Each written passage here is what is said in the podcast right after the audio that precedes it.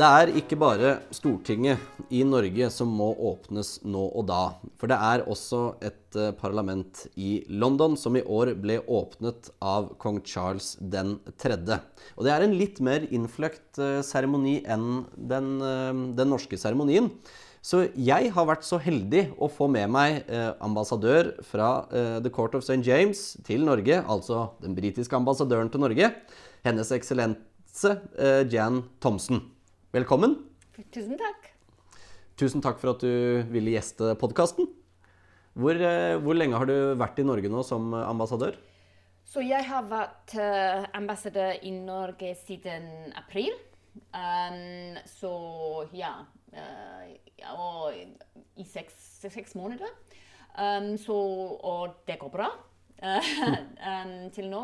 Jeg, jeg, har jobbet med å lære meg språket og fordype meg litt i kulturen. Og nå prøver jeg å reise litt rundt om i Norge for å uh, møte um, ja, mennesker som, som, bidrar til det, det norsk-britiske forholdet. Litt. Uh, så det går bra, men uh, ja, det er litt kaldt her. Men jeg gleder meg til å, å, å jeg, jeg er en ivrig fjellklatrer. Så jeg har, tidligere har jeg klatret til Kilimanjaro og til uh, Everest Base Camp. Så jeg gleder meg til å prøve meg litt på Galdhøpiggen, eller ja, jeg vet ikke. Men uh, ja, kanskje når, når, det blir litt uh, mindre kaldt. og du eh, kom jo eh, Eller på, på, mandag så var du på Buckingham Palace. Ja, eh, og den mottok jo noe, noe, som ikke alle er forunt. Du, eh, du fikk jo en utmerkelse fra, ja, ja. fra prins William, fyrsten av Wales. Ja, så jeg, jeg, jeg blir tildelt um, en CMJ. CMG. Uh, så det, det, er Companion of the Order of St. Michael and St. George. Uh, det, det, fikk jeg for tjenester til Storbritannia. Til, til, ja, til Storbritannia. Men det var da jeg, da jeg, var i India før jeg kom hit, um, måtte jeg evakuere um, 18 000 briter som, som, som, ble da, um, nå, da under korona. Så, og de, jeg måtte chartre um, mange, um, kanskje 68 uh, ekstraordinære flyvninger for å sikre at de kunne uh, komme seg trygt hjem. Ja, så det var litt vanskelig under, korona. Så det, ja, jeg, jeg fikk uh, utmerkelsen uh, pga. det. Gratulerer, selvfølgelig. Det takk. Og vi skal jo da prate litt om uh, parlamentet og yeah. åpningen av parlamentet. Og yeah. da må jeg bare si til våre lyttere at da går vi over til engelsk, yeah. ettersom det er litt uh, Fordi det er litt komplisert. Ja. Ikke sant? Men vi, vi begynner med, med kongen. Uh, King Charles has been king for a year now. Um, how has the first year been under King Charles III's reign? Yeah, I think it has has been good. I think it has gone well. Of course, we were all um, very very sad to lose um, Queen Elizabeth. We loved her very much, um, and uh, so that has been a big shift. And many, you know, most British people have not known any other monarch than Queen Elizabeth all their lives. Um, so it was a big change. Um, but I think that King Charles has um, has brought something new to the monarchy. He has sort of brought it into the modern era a little bit, maybe. Um, and of course, he had a lot, because he's had a long life before he ascended to the throne, he had many interests that he had devoted himself to over many years. So, for example, he was always very, he's always been very committed to climate change, environmental issues, sustainability issues, young people. Um, and he's brought those kinds of themes and those interests into the role more. So I think people have, the British people have kind of appreciated that. They found that really, um, uh, you know, a, change um, and they understand that this is something a bit different. But I think it's gone down quite well. And just recently, just a couple of weeks ago, he celebrated his 75th birthday. And um, he used that opportunity to launch a new, it's called the Coronation Food Project. It's a project to stop food waste, which I think is something we can all kind of sign up to. Um, so he's kind of using the monarchy a little bit more to kind of push some of the issues that he really cares about, and which I think the, the British people care about. Um, so all in all, just to answer your question, yeah, I think it has been a process of adjustment. Um, but I think um, he, is, he is being really welcomed into British people's hearts uh, now as, as the year has progressed. I think just before we continue, could you turn your microphone around so? Yeah. Because it was. Do you think it was audible? Yeah, it was audible. It was audible, but just as we continue, so the um, there's yeah. not not a big difference between my sound and yours. Yeah. How do I? Okay. Is that you want it to be up? Yeah, if you uh, like. The thing is, there isn't. A, hang on, how do I put it up? Mm. You can twist the microphone itself. Ah. Um, yeah. No. Oh no, you can't. Uh, maybe pinch and put it like that, if that's possible. Yeah. There we are. Perfect. Sorry. Good idea. Yeah. so I'll, I'll, just say the next question. Yeah. Um, and last year, uh, King Charles opened Parliament as the Prince of Wales, uh, but this year he could do his uh, do it as king, um, and um, he held a speech. And is that speech written by the king or by the government?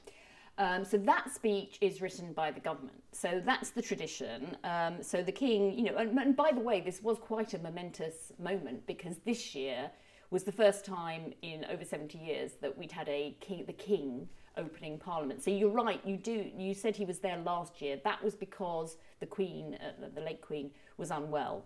So he went to parliament in her place to open it. Um, but when when sort of someone goes in the place of the king, as that as happened on that, or in the place of the monarch, as happened on that occasion, uh, you don't get the kind of full regalia and the full ceremony. So this was the first year when we actually had a king's speech. Um, so it's quite a big occasion. And yes, he delivers a speech which um, is written by uh, the government um, and which sets out the government's priorities for the year to come. So obviously, this year, the speech, uh, there was a lot about um, the, the issues of the day, whether that's um, Ukraine or uh, the Middle East or you know, pro- the cost of living crisis, these kind of issues. Um, but but the speech is always delivered by the monarch, and in this case, of course, it was by the king for the first time in over seventy years. Uh, what and you you were a bit in on the um, uh, you mentioned the message of the speech. Like, is is it a long speech or is it a short speech? Like in yeah, no, it's it's a good few minutes. I mean, it goes like it's rather like the speech that is delivered by the Norwegian king in in the Storting. Um, so it will set out, it will cover quite a lot of ground, quite a number of areas. So it's quite a significant speech. Um, but as I say, it is delivered and it sets out the, the government's agenda for the year ahead, the sort of legislation they'll be bringing forward, uh, the issues they'll be focusing on, what they'll be trying to achieve. So it, it covers those kind of things. But I mean, this whole ceremony is imbued with tradition. You know, it goes back several hundred years. Um, and uh, but but yeah, it is very much uh, focused on the issues of the day and the issues of that year to come. Because that is the only uh, time and place that the king wears the imperial state crown outside of his own coronation, is it? Yeah, so it's a really um, it's a really important kind of. It, there's a whole ceremony around what happens. Um, should I? Do you want me to talk you through it at all? Yes, please. history of it, and yeah, I we mean, can do the history afterwards if you okay. just do the the, the, the ceremony. ceremony. Yeah. yeah. so um, the the ceremony. So the king um, comes from Buckingham Palace um, to the Houses of Parliament. Um, and he, you know, he travels in a state coach and all this kind of thing. And um, the uh, the crown and the ceremonial uh, clothing and garb and all the, the sort of paraphernalia around that um, is brought from the Tower of London uh, to the um, to the Houses of Parliament and uh, the king then uh, arrives and um, i mean there's lots of funny ceremonies i can tell you later if you like around it. But he, he arrives and he goes to the house of lords. Um, so he doesn't go to the house of commons uh, where the government sits but he goes to the house of lords and there there is a throne. Um, so he goes there, he sits there, and, and he, he addresses, you know, he says, Welcome to all the, the lords who are present, and pray, pray be seated. Um, and then he asks uh, for the members of parliament to join the ceremony, and they are, of course, sitting in the House of Commons, our you know, lower house. Um, so, um, and then there is quite a lot of tradition around what happens to get them there because um, someone called Black Rod who is uh, actually for the first time we now have someone who is a lady who is taking the role of Black Rod. Uh, but it is someone who holds a big black um, rod, kind of mace, um, and uh, they are sent to go to the House of Commons, which is in the same building, part of the Houses of Parliament, um, and to fetch the MPs uh, from there. And as they approach to get everyone, the door is slammed shut in Black Rod's face. And this is a kind of tradition. What that symbolises is the fact that um, the government is sort of independent of the monarch and, um, and, and, and can sort of decide for itself when it wants to come. So the door is slammed shut, and Black Rod, the person Black Rod, bangs with their mace on the with their rod on the door of the House of Commons. Um, and in fact, apparently, there are lots of. If you go and see this door, you can see the marks where this is the banging has happened over hundreds of years, but with this black rod.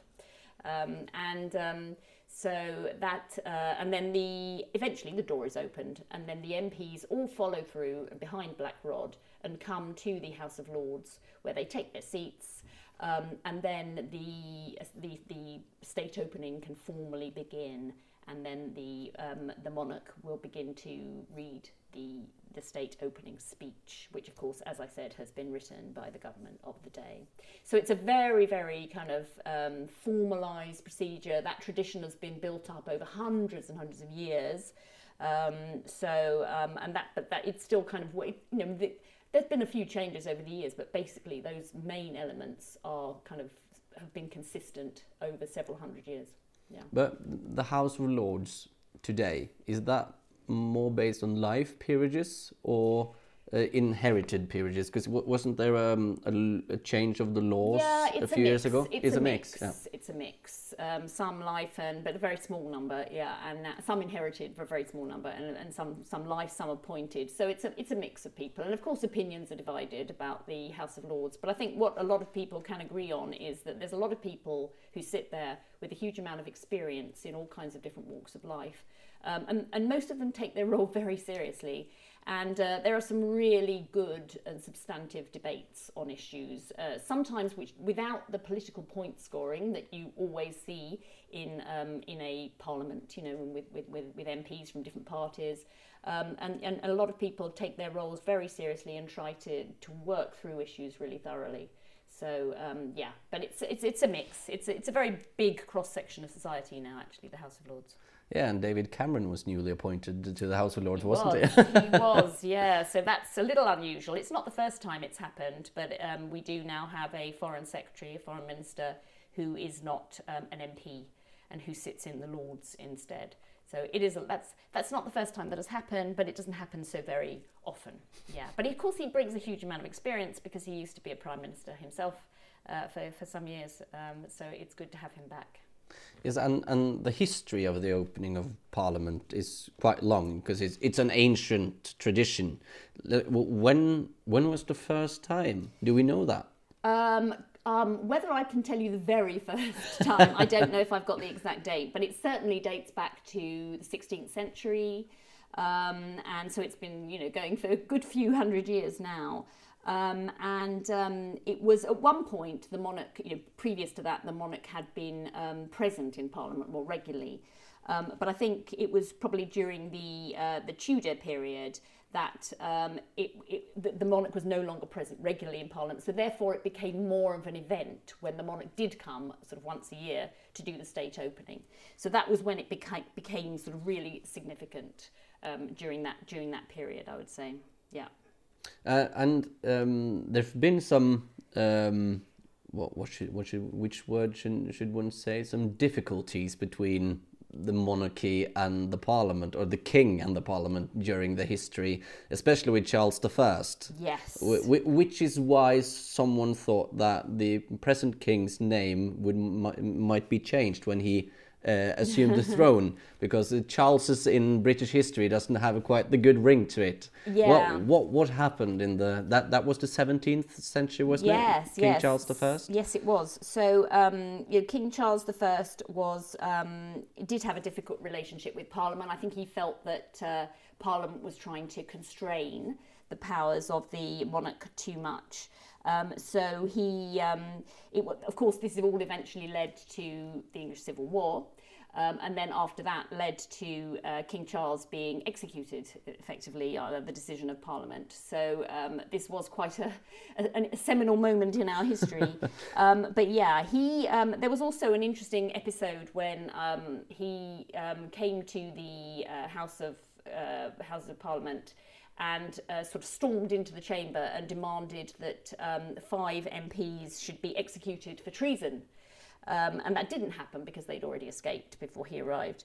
Um, but as a result of that, um, he the that, that is in fact why um, the monarch ever since has never been traditionally allowed into the um, House of Commons when it's sitting. Um, and that's why the ceremony uh, now happens in the House of Lords for the state opening. Um, so there have been lots of fractious episodes over the years. Yeah, that is that is very true. but um, it was uh, King Edward the 7th Uh-huh. who kind of made the modern ceremony of the state opening of, of Parliament after his accession to the throne in 1901. Um, how had this ceremony been during Queen Victoria's long reign? Because she was in constant mourning after the death of Prince Albert. Yeah, so I mean, he, you're right that he sort of brought it back. So it had always been a very significant moment, and, and actually, a lot of the traditions have been consistent throughout. But um, during the reign of Queen Victoria, you're right, during the latter part, after her husband died, Prince Albert, whom, of course, she loved very, very deeply, she went into mourning for many years. And during that period, the ceremony was very much scaled back. And she used to wear a sort of small tiara rather than the crown, and she used to come dressed in black. So it was a, it was a much more somber um, and scaled back occasion um, for the last years of Queen Victoria's reign. So then, when her son, um, King Edward VII, took over, he sort of brought it back to its former glory and splendour. Um, and and that's and, and and although as I say, many of the traditions are, very much the same as in the pre in the earlier time. Um, but since then, it's kind of taken the real shape uh, that we see it um, having today. Um, since then, yeah. Uh, and this year, Queen Camilla wore George IV's state diadem, which was originally made for a king. Do you think ever that King Charles will wear the George IV state diadem instead of the crown going to Parliament? Or do you think uh, it's now more more like a female tiara than a diadem for a king? I don't know. I don't know about that. I think you'd have to ask him. I think he's very. I mean, as I say, he has been very committed to kind of bringing the monarchy into the modern day, changing quite a few things here and there. He has, does have a different style, but I think he also recognises the importance of tradition and of continuity and stability. And I think that's one of the things the monarchy brings that we, and of course Norway has its own monarchy, but you know we we do very much feel. I think. Um, you know, the British people have had their kind of ups and downs with the, the monarchy over the years. But I think if you ask, you know, and, and, opinions will differ about it. But I think most people will accept that it is, um, you know, has brought an element of continuity and stability to their lives. And, you know, in difficult times, I think people quite like that. So I, I, don't know exactly what King Charles will do in terms of um, what he would decide to wear in the years to come, but I think he I think he is very um, you know he very much understands the importance of tradition. Um, that, that, and particularly, you know, this is one day. It's not every moment of the year that it's happening like this, but this is one day when there's quite a lot of pomp and circumstance and tradition, and I think we all kind of like to hold on to that somehow. Um, and I was, of course, recently at the state opening of Parliament here in Norway, um, and I, you know, there again, a fantastic ceremony. It felt really, really um, special. Um, and it was a great privilege to be part of that and to see how Norway has developed its own tradition of, of its state opening. Is the state opening of Parliament shorter or longer than uh, Norway's opening of Parliament? Um, I think it is probably a bit longer, if anything. Yeah, it's a bit longer, anything. And also, then what happens is immediately afterwards, the um, king goes back to Parliament, king back to Buckingham Palace, and the um, the, the, the king's speech uh, the government programme is debated in the parliament. So it kind of continues for some time after that. Um, but otherwise, I mean, they're you know they're, they're they're fairly similar, I suppose, in the in the general approach. Uh, mm. But it was it was really special to be part of it here in Norway because I haven't actually been part of the one in um, in the UK. I've seen it on television many many times, but I haven't actually sat in the chamber. So that was a really special opportunity here. Yeah, I've never seen any of them other than on TV. So uh, but ha- has it ever happened that the state opening of Parliament hasn't gone as planned? Has there been any um, circumstances? Yeah, there have. Um, uh, let me rack my brains. I'm sure there have been. Well, obviously there was the. You know, there was. There's been occasions when King has kind of stormed Parliament back in the 17th century, asking for MPs to be assassinated. Um, but of course, I mean, last. Uh, you know, there have been occasions when um, a monarch has been unwell, like happened last year with Queen Elizabeth um, and so she was unable to to go. Um, there have been um, times when both with both Queen Victoria and Queen Elizabeth, when they were pregnant, for example, they didn't go to Parliament to do the state opening. Um, so there have been times like that. And then there have been times when circumstances just didn't allow for the full ceremony to happen. So I mentioned earlier when Queen Victoria was in mourning, um, the, the, full ceremony did not take place or it was very much scaled back. But that also happened um, during the 16th century when there was plague or um, when, um, for example, during COVID more recently, uh, we had very much scaled back ceremonies. Um, but there's some there's some other little traditions um, as well that I was thinking that I hadn't mentioned, which was one is the kind of um, searching of the cellars. Ah, yes. Uh, that, I don't know if you've heard about that, but that happens every year, which dates back to the time of Guy Fawkes and the Gunpowder Plot, when of course there was you know explosives. Yeah. Remember, you know, trying to remember, yeah, to try blow up the House of uh, to blow up Parliament. Um, and so ever since then, there is a tradition where you have to search the cellars beforehand, before the monarch arrives, to make sure there's no gunpowder or anything else uh, there.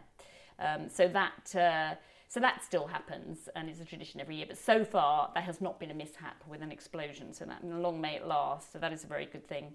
And the other thing that um, also happens to avoid any problems is that um, an MP is always held hostage um, in Buckingham Palace during the state opening of Parliament to ensure that the King's comes back safely. So obviously, um, designated survivor. It's, it's exactly like that. It's a designated survivor. So someone is selected um, each year to do it. I think it's quite a privilege to be selected, even though they're going to be a hostage.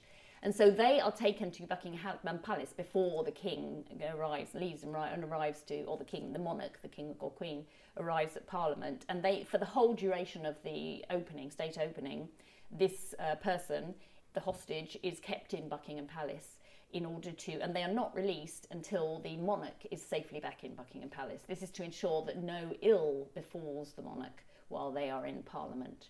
Um, so as I say, I think it's quite, and um, I think it's something that quite a lot of MPs aspire to. They would quite like to be the hostage because you get to have quite a nice time at Buckingham Palace. I think you get given a good tea or something or other, but you do get watched the whole time so that you can't do anything wrong and you can't go and sneak off and get up to mischief. Um, but I think that's quite a nice tradition. So it's funny, there are these quaint little traditions associated with it. But hopefully these these kind of safeguards are in place to make sure that nothing does go wrong on the day. Um, and um, I think um, in recent years it's all gone pretty smoothly. You mentioned that um, Queen Elizabeth wasn't able to attend the opening when she was pregnant, yeah. and that was before the prin- then Prince Charles reached his majority. Who uh, held the speech then? Yeah, that's a really good question, and I don't know that I know the answer to that question. Who would have done it? Uh, maybe kind of the Lord Chancellor took over, or something like that. I think probably on one of those occasions. Um, so that was probably how it worked. But yeah. but did you have uh, um, what is it called again? Uh, the the regents uh, or um, I, I can't come up with the English word for it in Norway. We did, like the crown prince regent. When the king is ill, the crown prince takes over uh, his official uh, job, kind of. Yeah. Isn't it more extensive um, like that in Britain? That almost every senior member of the royal family can be kind kind of a regent for Yeah, the I mean, we do have um, a number. There are a number of senior members of the royal family. We call them the sort of working royals, who who can take over those kinds of roles um, and stand in for the queen or for the king, uh, whoever it is, um, on different occasions. So that that does happen quite regularly. So it can be the, the uh, crown prince. Um, or it can be another member of the royal family. So yeah, there are several, several, several who who can stand in and come and help out if there's an emergency or if something like that happens. let's hope it doesn't. Let's hope it doesn't. Your Excellency, thank you very much for attending the podcast and answering my questions. It's been uh, it's been very fun, and I think our listeners will enjoy it as much as I have. Thank you very much. It was a pleasure to speak to you, and it's lovely to talk about some of our traditions, and uh, just as I'm witnessing some of the Norwegian ones as well. There are a lot of more more traditions from Great Britain that I think my listeners would would be interested in. So maybe you'll hear from me again. Sounds great. Happy to come back on. Thank you very much. Thank you.